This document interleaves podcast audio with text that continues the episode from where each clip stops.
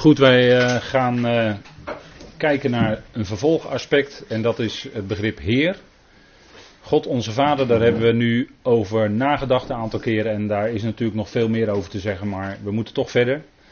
En dat gaat nu over de Heer Jezus Christus. Hè? Genade voor jullie en vrede, ook van de Heer Jezus Christus.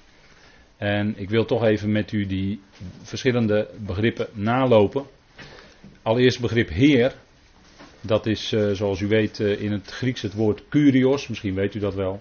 Maar dat betekent eigenlijk de machthebber of degene die um, sanctioneert. In de zin van uh, die dingen goedkeurt. En dan zijn ze ook zo.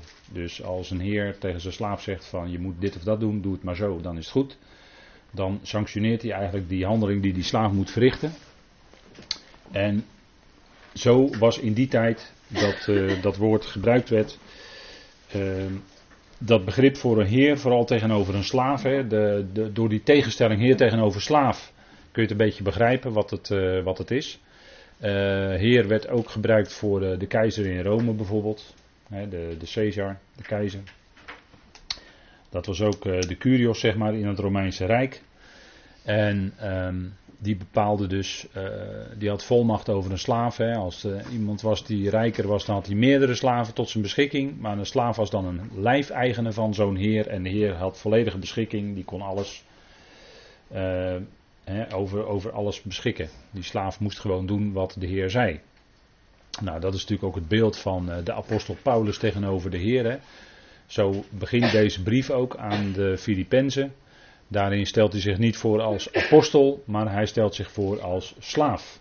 Paulus en Timotheus, slaven van Christus Jezus. En dat duidt al direct aan de houding die hij had. Hij diende zijn Heer als slaaf. Zijn Heer beschikte wat hij moest doen, waar hij naartoe ging. Soms door de omstandigheden gedrongen, soms niet. Maar de Heer beschikte waar hij naartoe ging, wat hij moest doen. En dat deed Paulus dan ook. Dat is zoals hij als een slaaf werkte. Heer, dat is in het Grieks het woord kurios, heb ik al gezegd. En dat is een weergave, een vertaling. In de Griekse vertaling van het Oude Testament, de Septuaginta, die uh, zo ongeveer 200 jaar voor Christus is samengesteld door, men zegt, 70 uh, rabbijnen die hem vanuit het Hebreeuws in het Grieks hebben vertaald. En die vertaling, die Septuaginta, werd ook door de Heer gebruikt. Paulus citeerde daaruit. Uh, in, dus in de tijd van de Heer en van Paulus was dat gewoon de gebruikelijke Bijbel waar ze mee omgingen, waar ze ook uit lazen. Hè. En in de synagogen werd natuurlijk Hebreeuws gelezen. De, dat was de taal in de synagogen. Werd uh, specifiek daar Hebreeuws gelezen, Hebreeuws gesproken. Maar daarbuiten was het Grieks eigenlijk de algemene omgangstaal. Hè, wat men dan noemt het Koine Grieks, dat is de, het algemene Grieks wat in die tijd gesproken werd. Door het wereldrijk kwam dat wat Alexander de Grote in korte tijd had uh, veroverd. Hè? Een wereldrijk. Alexander de Grote die op dan uiteindelijk op 33-jarige leeftijd omkomt, sterft in Babylon. En dat was het laatste wereldrijk waarvan Babylon de hoofdstad was. En binnenkort zullen wij weer, of wij niet, maar er zal een wereldrijk hier op aarde zijn wat als hoofdstad de stad Babylon zal hebben. Opnieuw, hè? dat is wat de profetie zegt. En die profetieën zijn nog niet in vervulling gegaan. Maar het woord kurios in het Grieks, het woord heer, wat wij vertalen met heer, dat is in de Tenach een vertaling, of in de Septuagint een vertaling van zowel het woord JW, dus de naam, de naam, Hashem. De naam, JW. En het is de vertaling van het woord Adonai. En in onze gebruikelijke Bijbelvertalingen wordt het woord, of de naam JW, vaak met hoofdletters vertaald. Het woord Heer, hè, met vier letters, hoofdletters Heer of Heere, als je de Statenvertaling leest, of de herziene Statenvertaling. En in de NBG is dat dan vier hoofdletters Heere. Dat is dan uh, als er JW staat in het Hebreeuws. En Adonai is dan het woord Heer met kleine letters geschreven in uw vertalingen. Dus Heere of Heer met kleine letters, dan staat er het woord Adonai in het Hebreeuws. En dat betekent mm, mijn Heer. Dus het is zowel de vertaling voor het woord JW als voor het woord Heer. En Paulus die zegt dan, de tekst die we ook al even daarnet lazen voor de pauze, uh, die bekende woorden uit 1 Korinthe 8. Hij zegt voor ons is er nogthans, hè, want er zijn weliswaar ook zogenaamde goden in de hemel of op aarde, zoals er ook vele goden en heren zijn, hè, die door mensen als goden en heren worden gezien. Voor ons nogthans is er één God, de Vader, uit wie het al is. Hè, dat is hier klinkt de beleidenis door uit Deuteronomium. Hoor Israël, dat hebben we vorige keer ook genoemd. Hoor Israël, JW is onze God. JW is één. Dat is de beleidenis die ook door de Jood wordt, door, althans door de religieuze Jood, wordt, vaak wordt gereciteerd. En dat klinkt hierdoor. Hè. Er is één God, de Vader, uit wie het al is, en wij tot Hem, en één Heer, Jezus Christus, door wie het al is, en wij door Hem. En dan zegt Paulus erbij, maar niet in allen is deze kennis. En dan zou ik bijna zeggen, waarvan akte. Want veel gelovigen die beleiden dit niet, maar die beleiden wat anders dan wat hier staat. Terwijl het hier zo duidelijk staat. Ik zou zeggen, dit is erg duidelijk allemaal wat hier staat. En hier moet je het gewoon bij houden, hè? maar dat is altijd het woord van God. Hè? De uitspraken van het woord van God, dat is wat je gelooft. En je moet je aan die uitspraken ook houden.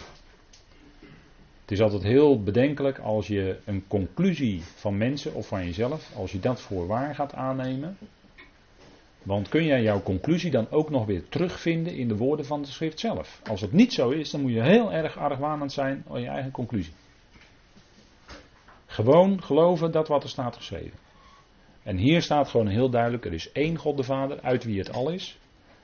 Dan ben je eigenlijk klaar. Dan ben je klaar en één Heer Jezus Christus, door wie het al is, ben je ook klaar. Het is zo duidelijk wat hier staat, hè? zo helder. Maar Paulus zegt ook, maar niet in allen is die kennis. En uh, dat is wat we ook zouden beseffen. Hè? Niet allen hebben die erkenning en uh, altijd is het zo dat ja, als, als mensen menen het er niet mee eens te zijn, dan is mijn reactie altijd: laat mij dan maar zien in de schrift waar het staat, op grond waarvan jij het niet eens bent. En ik moet zeggen dat ik heel weinig van dat soort gesprekken heb. Ik heb heel weinig mensen die naar mij toe komen van het is niet zo, want zussen, zussen, zo staat in de schrift. Ik hoor, ik hoor vaak via via dat men het er niet mee eens is. Maar ik hoor het zo zelden rechtstreeks tegen mij zeggen. Op grond waarvan het dan men het niet met mij eens is. Ik wil het graag horen. Als u het niet eens bent met het evangelie wat we gebracht hebben, brengen en nog zullen brengen in de gemeente, dan hoor ik graag op grond waarvan dat dan gedacht wordt. Dat zou ik graag willen horen van mensen. Maar ik hoor het maar zo weinig. Er zijn maar zo weinigen die die dan reageren, kennelijk. maar ja, ik ben dan misschien heel vervelend als ik zeg van ja, maar waar staat dat dan? Waar staat het? Wil ik graag zien. Heb je dat argument niet? Heb je geen, waar, niet wat staat? Ja, nou ja, ja, goed, ja, dan staat het er dus niet. Wat je denkt, of wat je meent, of wat je vindt, of wat jouw opvatting is. Kennelijk staat het er niet maar dat. Er is één Heer, hè, Jezus Christus. Niet vele heren. Dat is. Een voorbeeld ervan is dat. Uh, waarin je dus in die vertaling. Uh, twee keer dat woord Heer hebt, maar die twee verschillende begrippen. JW en Adonai. Yahweh en Adonai. Is. Uh, Psalm 110, vers 1. Zullen we het even met elkaar lezen? Even een uh, voorzetje voor het komende weekend. Hè? Psalmen voor nu. Psalm 110. En dat is een bekende psalm, want die wordt vaak aangehaald uh, in de Griekse geschriften. Om, of in het Nieuwe Testament, zo, u wilt. Maar dit is een psalm die opvallend vaak wordt aangehaald in het Nieuwe Testament. Hè? Psalm 110. En daar staat, en de psalmen, ja, daar is wel wat over te zeggen hoor. Ik bedoel, dat psalmen is heel erg rijk. dat is heel, heel rijk, de psalmen. En psalm 110 is de belofte van de priesterkoning, want deze psalm wordt ook regelmatig aangehaald in Hebreeën. En Hebreeën gaat het over Christus als degene die als hoge priester is gesteld naar de ordening van Melchizedek. Hè? Maar dat, daarin wordt psalm 110 ook vaak aangehaald. En dan zegt David, een psalm van David. De Heer heeft tot mijn Heer gesproken. Zit aan mijn rechterhand, totdat ik uw vijanden gemaakt zal hebben, tot een voetbank voor uw voeten. En dit is natuurlijk een moeilijke uitspraak, omdat hier staat, de Heer, dat is dan hier met hoofdletters geschreven in uw vertaling, de Heer, dat is dan Yahweh, heeft tot mijn Heer gesproken. En mijn Heer is dan Adonai. door die i aan het eind, dat is het woord mijn eigenlijk. de uitgang i bij een Hebreeuws woord is vaak mijn. Adonai. Mijn Heer, vertalen we dan dus. De Heer heeft tot mijn Heer gesproken. Zit aan mijn rechterhand. Totdat ik uw vijanden gemaakt zal hebben tot een voetbank voor uw voeten. En in Hebreeën haal de Hebreeën schrijven dat aan om te laten zien dat de Heer Jezus Christus nu gesteld is aan de rechterhand van Vader. Daar begint Hebreeën 1 al mee. Met de verheerlijkte Christus. Hij is de afstraling van Gods heerlijkheid. Zegt eh, de Hebreeën schrijver dan in vers 3. Hè. Hij is de afstraling van Gods heerlijkheid. Hè. Dat is wat hoor. Saulus was er drie dagen blind van. Die afstraling, hè? Dus als we het hebben over Gods heerlijkheid, dan komt die ten volle tot uiting naar de schepping toe in Christus. En hij heeft nu de plaats aan Gods rechterhand. En wij weten uit de Efezebrief dat het is boven alle overheden, machten en krachten. Al die hiërarchie die je hebt bij de hemelingen. Christus is daarboven gesteld. Dat is de heerlijkheid van Christus en we hebben het nu over onze Heer, maar dan hebben we het wel over iemand hoor. Dan hebben we het wel over degene die gesteld is aan Gods rechterhand. En de vorige keer hebben we even genoemd, dacht ik, dat hij gegeven is als hoofd aan de uitgeroepen gemeente. Boven alles, hè. Dus als we het hebben over ons hoofd, dan hebben we het dus over degene die boven allen gesteld is in de hele schepping, onder God, de Vader. Hij is de afstraling van Gods heerlijkheid. Alsjeblieft. Dat is wat hoor, dat is wat. En dat is wat de psalmist hier in feite, David, de profeet, want zo spreekt Petrus over hem in Handelingen 2, dat David niet alleen een koning was, maar hij was ook een profeet.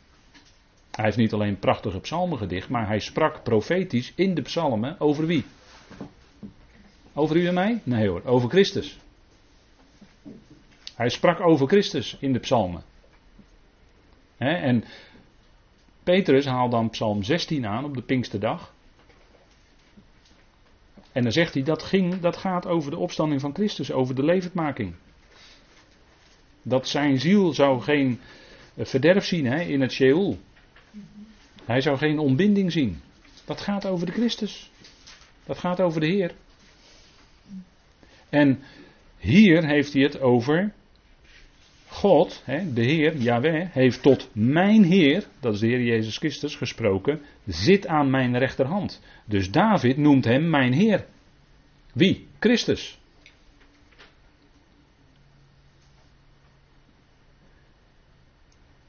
hey, de Heer heeft tot mijn Heer gesproken, zit aan mijn rechterhand. Dat is wonderlijk. Hè? Dat is wonderlijk. En velen die lopen vast op zulke uitspraken in de schrift, die lopen daarop vast. Maar voor ons hoeft dat helemaal niet zo moeilijk te zijn, denk ik. Als we beseffen dat God, God heeft hem op die plaats gezet aan zijn rechterhand. Daar, daar heeft David het hier over. die dingen kun je gewoon naast elkaar leggen. die schriftuurlijke uitspraken dat God zijn zoon gesteld heeft aan zijn rechterhand. En daar heeft David het hier over. Dat maakt het Nieuwe Testament duidelijk. Psalm 2. Ook, hè, gaat ook over hem. Nou, zo kunnen we doorgaan. Maar kijk, de Heer die haalt dat aan in een twistgesprek met de Joden. Want de Joden kennen natuurlijk hun beleidenis tot en met, er is één God. En zij geloofden ook dat er een Messias zou komen. Dat is nog steeds een van de hoofdpunten van het Jodendom. Hè? Dat ze een Messiasverwachting hebben. En, en de rabbijnen die zeggen ook dat als die Messias eenmaal gekomen is, is het einde van het Judaïsme. Is het einde van het Jodendom. Dat zeggen de rabbijnen ook. Van de Kamp bijvoorbeeld. Lodi van de Kamp. Uitspraak. Ja, die zegt ja, een van de hoofdpunten van het Jodendom is, van het Judaïsme, is dat als de, de, de. En als die Messias gekomen is, is het einde van het Judaïsme. Klaar, dan is het over. dat zeggen ze zelf. En daar heeft de Heer het over in uh, Marcus 12. Want het gaat over zijn, zijn afkomst. Hè, want er was voortdurend gesprek over wie is hij. Hè? En dat is, dat is vandaag niet alleen onder het Jodendom zo, maar het is ook in het christendom vaak zo. Wie is hij? Wie is Jezus Christus? Wie is hij? En dan moet er ook schriftuurlijk een antwoord op komen. Wie is hij? Hij is de zoon van David. En dan gaan de dingen in elkaar vallen, denk ik. Jezus antwoordde en zei terwijl hij onderwijs gaf in de tempel. Hoe kunnen de schriftgeleerden zeggen dat Christus een zoon van David is? Want dat was bij de schriftgeleerden toen al een van de, een van de opvattingen. Dat de Messias, dat zou de zoon van David zijn. dat, dat, ze hadden wel door uit die profetie van 2 Samuel 7. dat, dat die belofte dat er een zoon van David op de troon zou zitten. Ze hadden wel door dat dat eigenlijk over de Messias ging. Niet alleen over Salomo, maar nog verder ging het over de Messias. En daar refereert de Heer aan, aan die opvatting bij de Joden. En dan haalt hij aan, dus die Psalm 110, want David zelf heeft door de Heilige Geest gezegd, kijk, dus die Psalm 110 is door God gegeven, door de Heilige Geest, door de mond van David, of door de pen van David, hoe je het zeggen wil. De Heer heeft gezegd tegen mijn Heer, zit aan mijn rechter, totdat ik uw vijanden neergelegd heb als een voetbank voor uw voeten. En dan zegt de Heer, David noemt hem dus zelf Heer. En hoe kan hij dan zijn zoon zijn? En de grote menigte hoorde hem graag, maar de schriftgeleerden en de fariseeën niet.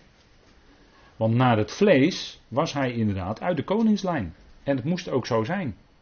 Zo kon hij rechtens aanspraak maken op de troon van David, hè, naar de profetie van 2 Samuel 7. En tegelijkertijd noemt David hem dus ook Heer omdat hij bleek de Messias te zijn. De zoon, de zoon des mensen, eigenlijk de zoon van Adam. En als zoon van Adam heeft hij alle rechten. Sowieso op de troon. Maar als het specifiek gaat over Israël, dan heeft hij natuurlijk de troon van David. Daar heeft hij recht op, omdat hij uit de lijn van David komt, via Maria. En hij is dan ook tegelijkertijd de Heer waar Psalm 110 over spreekt. Dus David noemt hem niet, uh, hij is niet alleen de zoon van David, maar David moest hem ook al Heer noemen, omdat hij natuurlijk eigenlijk boven David staat. Want hij is de koning van de koningen en hij is de Heer van de heren. Nou, dat is wat Psalm 110 in feite. Hè? Al die vijanden zullen door God tot de voetbank voor zijn voeten worden gemaakt. Mooie beeldspraak voor dat hij over alles heerschappij zal hebben. En dat is natuurlijk wat Paulus nog veel verder mocht uitdiepen in 1 Corinthe 15. Waarin hij in feite ook gedacht heeft aan deze psalm natuurlijk, maar dan gaat het nog veel verder. Dan is echt totaal die hele schepping, hè? hemelen en aarde, alles is onder zijn voeten. Maar al die vijanden, en dan legt de Heer hier uit aan degenen die hem horen, dat hij zelf in feite die zoon is. Die zoon van David is. En Paulus bevestigt dat natuurlijk in Romeinen 1, dat hij naar het vlees naar het vlees gerekend is hij de zoon van David. Hè? Maar naar de geest is hij de zoon van God. Door de opstanding uit de doden. En dat is natuurlijk wat hem natuurlijk bovenaan alles zet. zowel naar het vlees is, heeft hij de rechthebber op alle tronen die je maar kunt bedenken op aarde. Maar naar de geest gerekend, opstanding uit de doden, heeft hij ook in, in het geestelijke bereik recht op alle heerschappij. En daar zal hij ook voor gesteld worden. Maar veel mensen lopen erop vast dat er staat: De Heer heeft gezegd tot mijn Heer. Ja, Yahweh, God heeft gezegd tot die Curios, zit aan mijn rechterhand. En dat de Heer zelf in zijn heerlijkheidsgestalte, de Heer Jezus Christus bedoel ik dan, dat de Heer Jezus Christus zelf in zijn heerlijkheidsgestalte, voordat hij mens werd, gezien werd, ja, dat kon niet anders, want God is onzichtbaar. God kun je niet zien, niemand heeft ooit God gezien. Het is de onzichtbare God en hij is het beeld van de onzichtbare God.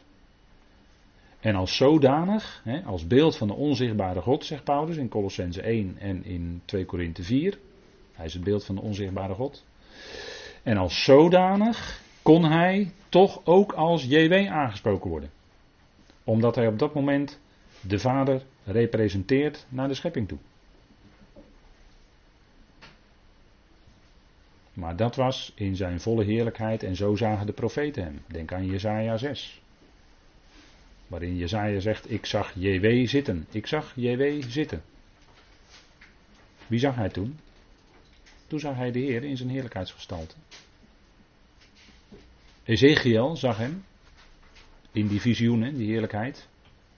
Die heerlijkheid van JW. Zag hij iemand als een man, als een mens, hè, dat is, let op het woordje als. Dat was de Heer in zijn heerlijkheidsgestalte. Waarom kan de Heer zeggen, waarom kan JW zeggen bij monden van de profeet Zacharia, dat ze zullen zien wie ze doorstoken hebben. En dan zullen ze zien, ja maar dat is onze, dat is onze JW. En dat is hij. Die zullen ze zien die wie ze doorstoken hebben. Dat staat daar in Zacharia. Onzichtbare God. Hij heeft zich uitgedrukt in zijn beeld, de zoon. En die zoon in heerlijkheidsgestalte werd door de profeten gezien. Voordat hij mens werd. Hij werd mens in een diepe vernedering. En dan kan je ook iets gaan begrijpen van die enorme diepe vernedering. Van die ootmoedigheid. Dat hij zichzelf ontledigd heeft. Filippenzen 2 over spreekt. En daarna weer uitermate verhoogd is. Anders, anders zijn die woorden leeg hoor in Filippenzen 2. Als je dat, als je dat niet, niet zo op die manier uh, meekrijgt vanuit Gods woord. Hè, Johannes 12 Johannes 12 moet u maar eens nalezen. Koppelen aan Jezaja 6. Daar zegt Johannes het. Dat Jezaja hem zag. Wie? De Heer Jezus Christus. Voordat hij mens werd. Hij zag hem. In zijn heerlijkheid. En hij representeert daar JW. En als zodanig kan hij zelfs als JW aangesproken worden. Nou, dat is de enorme hoge positie die hij had. En die heeft hij verlaten om mens te worden. En nadat hij die diepe weg is gegaan, werd hij weer uitermate verhoogd. Nou, dat betekent het onder andere dat hij tot Heer en tot Christus gemaakt is. Hij is tot Heer en tot Christus gemaakt. Zegt Petrus. Hè, op de Pinksterdag. Nou, ik denk dat we daar nog misschien heel even, heel even naar kunnen kijken. Als dat de volgende is. Nee. Dat doen we dan uh, een volgende keer. Maar wat voor ons van belang is, en wat Israël ook voor op de hoede moest zijn, zijn wolven. Hè. We krijgen onderwijs, onderricht, vandaag nog steeds, via de brieven van de apostel Paulus. En waarvoor wij en waarvoor Israël al op de hoede moest zijn, waren valse profeten. Die in het verleden al in schapenvacht naar jullie toekwamen. Maar van binnen zijn het roofzuchtige wolven. En dan moet je op je hoede zijn, zoals die vos hè, daar. Wees op je hoede. Oren gespitst, goed uitkijken. Want er lopen valse profeten rond. dat was al de boodschap naar Israël toe. Maar er worden voor ons ook belangrijke dingen in dat verband gezegd hè, tegen ons. Dat er zijn die op die manier rondgaan. En Petrus die verkondigt op de Pinksterdag dat God, u kent die uitspraken wel, moet u maar eens nalezen, Handelingen 2, die toespraak van Petrus. En dan zegt hij dat God hem, dus de Heer Jezus Christus, tot Heer en Christus maakt. En dat staat dan in die uh, aoristes, hè. Het is een feit. Deze Jezus die jullie kruiselden. Dus door de opstanding uit de doden heen heeft God hem gesteld tot Heer, tot Curios en tot Christus. Nou, die term Christus, gezalfde, daar komen we nog wel op terug. Maar in ieder geval is dit een duidelijke uitspraak die Petrus doet, door de Heilige Geest gedreven. hij was vervuld met de Heilige Geest. En wat ga je dan doen? Dan ga je spreken. Niet per se in tongen, maar dan ga je spreken. dat is eh, wat Paulus ook tegen ons zegt. Wees vervuld met de geest. zegt hij in Efeze. En dan ga je spreken, want dan word je blij. Want, Colossense zegt dan, het woord van Christus woont rijkelijk in jullie. Het woord van Christus is het woord van die verheerlijkte Heer, hè? Christus. Hij is verheerlijkt aan Gods rechterhand, dat evangelie. Als je daarvan hoort, van die Heer, wat ook jouw en mijn Heer is, als je dat allemaal hoort van jouw Heer, dan word je blij. En dan ga je ervan spreken. Als je vervuld wordt met dat woord van Christus, dan word je vervuld met de Heilige Geest. En dan ga je spreken van die dingen. Dat is wat de geest dan door je heen bewerkt. Dan ga je ervan spreken. Hè? Als mensen, u kent het wel, waar het hart vol van is. Ga maar kijken bij ouders als er een kindje geboren is. Dan willen ze aan iedereen vertellen wat voor geweldig kindjes ze hebben gekregen. Daar zijn ze vol van en daar gaan ze ook van spreken. Waar het hart vol van is, daar ga je van spreken. Nou, als je hart vol is van het woord of van de geest, en dat maakt eigenlijk niet zoveel verschil, denk ik, in de praktijk. Dan ga je ook daarvan spreken. Dan wil je dat op een of andere manier wil je dat bekendmaken. Nou, zo was Petrus bezig daar te spreken op die Pinksterdag. God heeft hem tot Heer en tot Christus gemaakt, deze Jezus. En dat zal een indruk gemaakt hebben. Dat had ook indruk, want toen kwamen er 3000 tot ommekeer, tot bekering. En zij werden gedoopt en ze ontvingen vergeving van zonde. En dat is het begin van, niet van de, het lichaam van Christus, maar dat is het begin van de koninkrijksgemeente. Dat is het begin van de koninkrijksgemeente. Het is niet het begin van het lichaam van Christus. Niet het begin van de christelijke kerk. Maar het is het begin van de koninkrijksgemeente. Er kwamen 3000 tot geloof. En zo ging dat verder. Goed, nou we gaan daar de volgende keer gewoon mee verder. En dat zal waarschijnlijk over twee weken zijn, maar u krijgt vanzelf weer bericht.